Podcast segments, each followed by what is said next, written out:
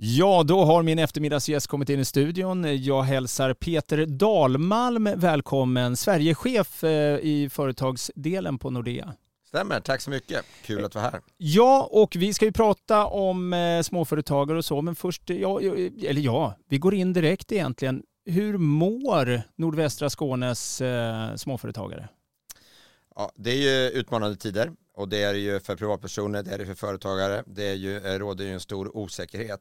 Med det sagt så är jag ju väldigt positivt lagd, men det kan man ju också konstatera med den statistiken som nu har kommit ut under de senaste veckorna och då är ju, hänvisar jag ju till bankernas kvartalsrapporter. Och jag sneglar ju såklart på mina konkurrenter och jag tittar ju på hur ser kreditförlusterna ut och hur mår företagen. Jag vet ju de företagen som vi servar mår, för den följer vi ju dagligdags. Men där sen får man ju också ett litet kvitto, en liten temperaturmätare på hur, hur mår kunderna hos konkurrenterna. Och då skulle jag säga att företagen mår relativt bra. Eh, vi pratar ju om att det är en utmanande tid och en del säger kris. Jag väljer att säga att det är, det är inte en kris. Det är, det är, utmaningar och omställningar som behöver ske.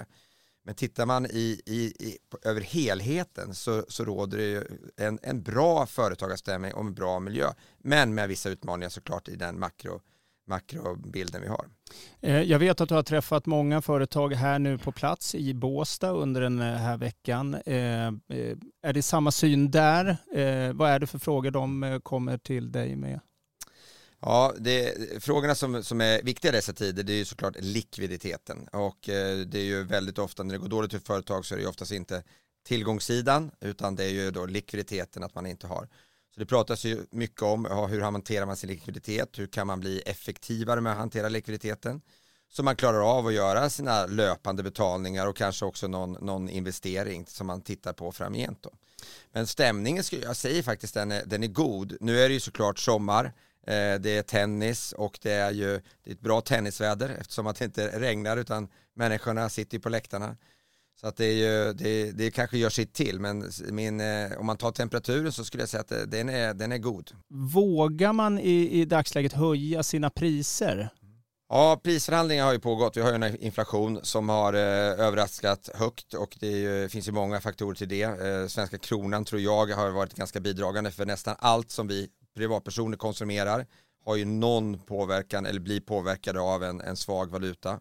Vi importerar ju väldigt mycket av både det vi kläder och det, vi, det som, till, som vi köper och förbrukar och till allt, mycket livsmedel också. Så att, eh, och går det då att höja priserna? Ja, men det, det, det tycker vi har gjort. Om vi tar något som diskuteras mycket, fastighetsmarknaden, kommersiell fastighetsmarknad. Eh, där höjdes ju priserna med 10,8 procent från den första januari i år.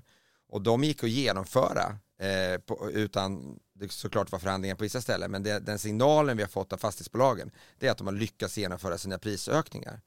Så jag tror att det går att göra prisökningar egentligen inom, inom alla branscher. Sen är det ju som vanligt allting konkurrens och hur den rådande situationen lokalt.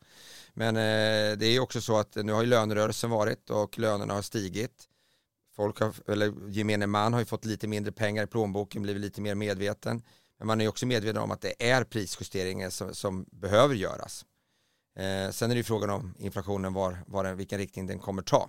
Och den är ju fortfarande osäker kring, men vi, vi tror och hoppas att den, att den håller på att flacka ut just nu så att den inte, vi kommer se så mycket mera inflation utifrån de här nivåerna. Men, men vilka företag går bäst i en eh, sån här lågkonjunktur?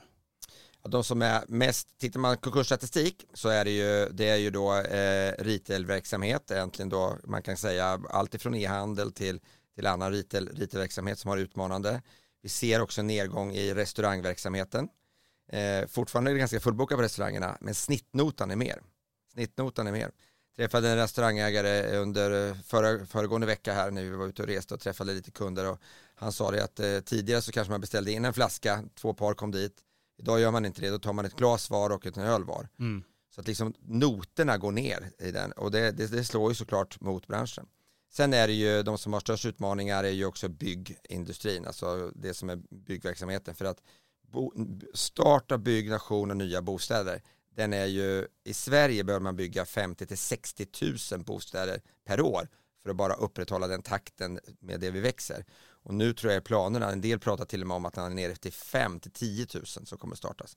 Vilket innebär ju att det liksom blir en bostadsbrist på lite sikt då, då om det inte bostadsbyggandet kommer igång igen då. då. Och med de som går bra, det är ju de som är mot en grön omställning. Den bubblar ju i hela landet och i hela riket, i alla dess om, om, områden. Eh, även det som alla som jobbar mot försvarsindustrin. Och sen såklart är det ju då exportföretagen.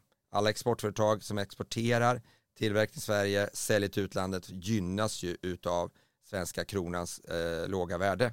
Och då får de ju mer, det blir billigt för utlänningen att handla.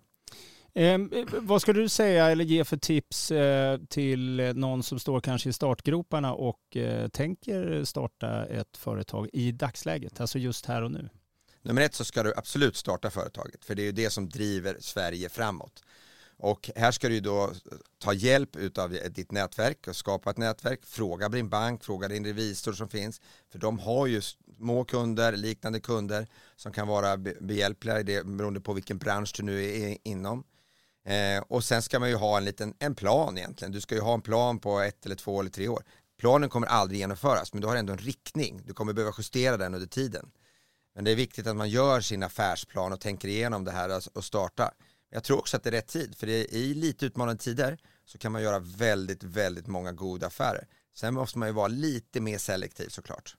Eh, men hur är ni då som, eh, eh, som träffar då en nyföretagare, hur, hur är ni som bank i, i ett sånt här läge? Ja, men vi som bank kan ju alltid eller, hjälpa till. Sen kan man säga, okay, frågan skulle vara så här, kan ni låna ut pengar till ett nystartat företag? Nej.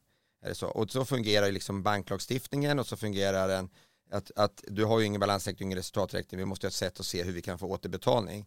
Sen är om det är ditt första företag. Men vi pratar ändå med banken för vi har väldigt många olika lösningar där det finns eh, allt ifrån EKN till till eh, EEF som är Europeiska investeringsfonden som vi har ett samarbete med. Då kan man hjälpa till med olika garantier för att få nystartsbolag och då, om de ställer en garanti till oss på banken där vi har ett upparbetat samarbete, då kan du få låna pengar ändå trots att du inte är, eh, om du får en garanti och man får igenom den i det här systemet. Så det finns möjligheter. Det är lite krångligare då om man inte, du måste alltid ha en egen start på sig, ett eget kapital. Det måste du alltid ha när du startar, så är det ju. Men det finns ändå lösningar att kunna gå till banken, så är det. Eh, regionen här runt om, vi ligger ju i nordvästra Skåne men det är ju väldigt nära Halland och, så och sådär, man går över gränserna och så. Hur vanligt är det i eh, småföretagarbranschen i alla fall runt om i Sverige? Spelar gränsen någon roll? Ja, småföretag, eller de rör det beror på vilken produkt och service du, du är i, men de, det är ju oftast relativt lokalt, så är det ju. Och det är väl det som kanske kännetecknar småföretagen då. Sen är det ju, finns det ju för, småföretag som har en ambition att bli stora. Är du inom, eh, digitalt så är det ju global direkt från dag ett. Då existerar du inte, då är det ju worldwide från första dagen. Så att det finns ju mindre lokala små företag som kan bli otroligt stora och växa och till och med bli så kallad enhörning när du får då en, en värdering på, på en miljard. Men eh, och det, det, där är ju, eh, så jag tror att det, det, det finns ju både och och det, man, gränserna suddas ju ut mer och mer tack vare det digitala sättet att arbeta. Eh, vad skulle du säga, eh, hur ser du på framtiden? Varje gäst som kommer hit, de får lite grann eh, framtidsutsikt. Hur ser du på framtiden eh, bland eh, småföretagandet eh, här nu om vi ser ett halvår, ett år framåt? Går det neråt eller går det uppåt? Eller ja, antal nystartade, nu kommer jag inte ihåg den siffran i huvudet, men den har ju minskat, men den är, den är fortfarande, fortfarande god.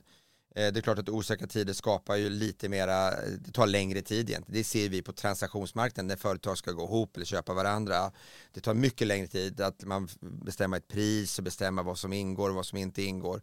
Eh, osäkerhet skapar ju liksom oro och då tar ju transaktion, en affär längre tid.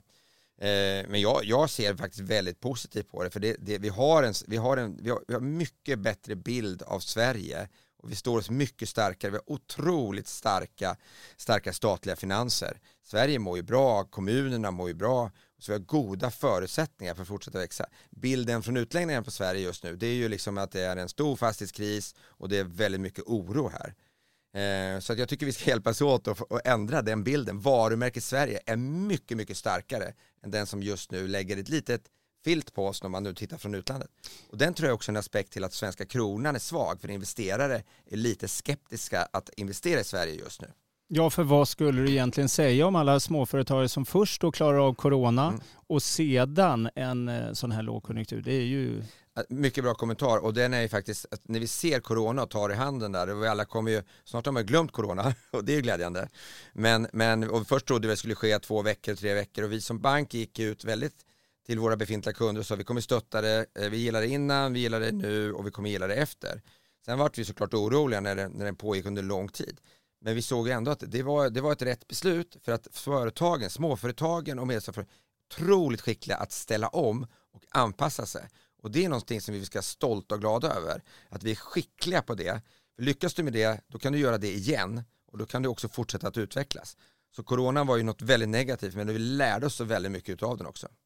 Det får bli eh, slutorden. Tack så hemskt mycket Peter Dahlmalm, eh, Sverigechef eh, inom företag på Nordea. Tack så mycket.